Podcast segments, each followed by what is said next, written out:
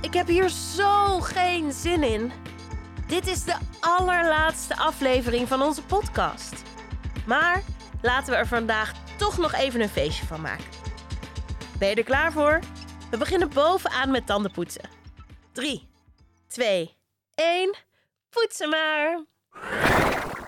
In de afgelopen 10 weken heb je veel geleerd over stroomlijning. Dat is het aanpassen van een vorm om zo de luchtweerstand te verminderen. Weet je nog, als je op de fiets zit, dan kan je rechtop fietsen of jezelf juist heel klein maken, zodat je nog sneller gaat.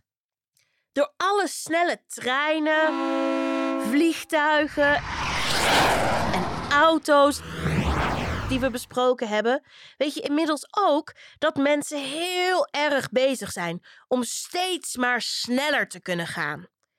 Altijd sneller, altijd beter, altijd mooier.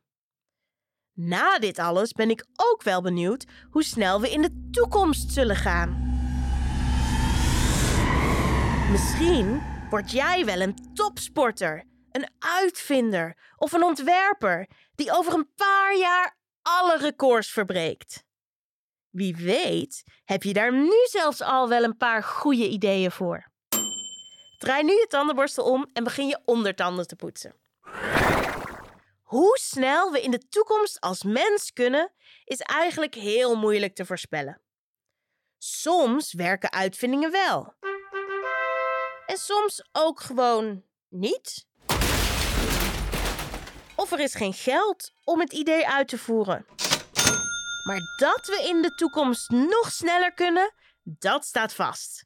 Al zal dat dan hopelijk ook steeds duurzamer zijn. Bijvoorbeeld met zonneauto's, de Hyperloop of de Flying V. Altijd sneller, altijd beter, altijd mooier. Dat is nu eenmaal waar we als mens altijd mee bezig zullen blijven. Ben je na het luisteren van deze podcast ook een Stroomlijn-fan geworden? Bezoek dan de tentoonstelling Sneller, Beter, Mooier in Design Museum Den Bosch. Hier vind je bijna alle voertuigen waar ik je de afgelopen weken over verteld heb. En tot 18 jaar mag je gewoon gratis naar binnen.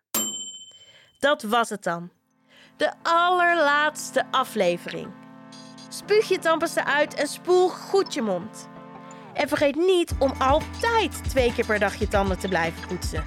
Niet zo snel als je kan, maar gewoon twee minuten lang. Wie weet tot ooit. Mijn naam is Maan. De stemmetjes in de podcast werden ingesproken door Pim. Ik wil graag Werner, Ellen, Luc en Thomas bedanken voor hun bijdrage. De audio en het sounddesign werden verzorgd door Outcast Media.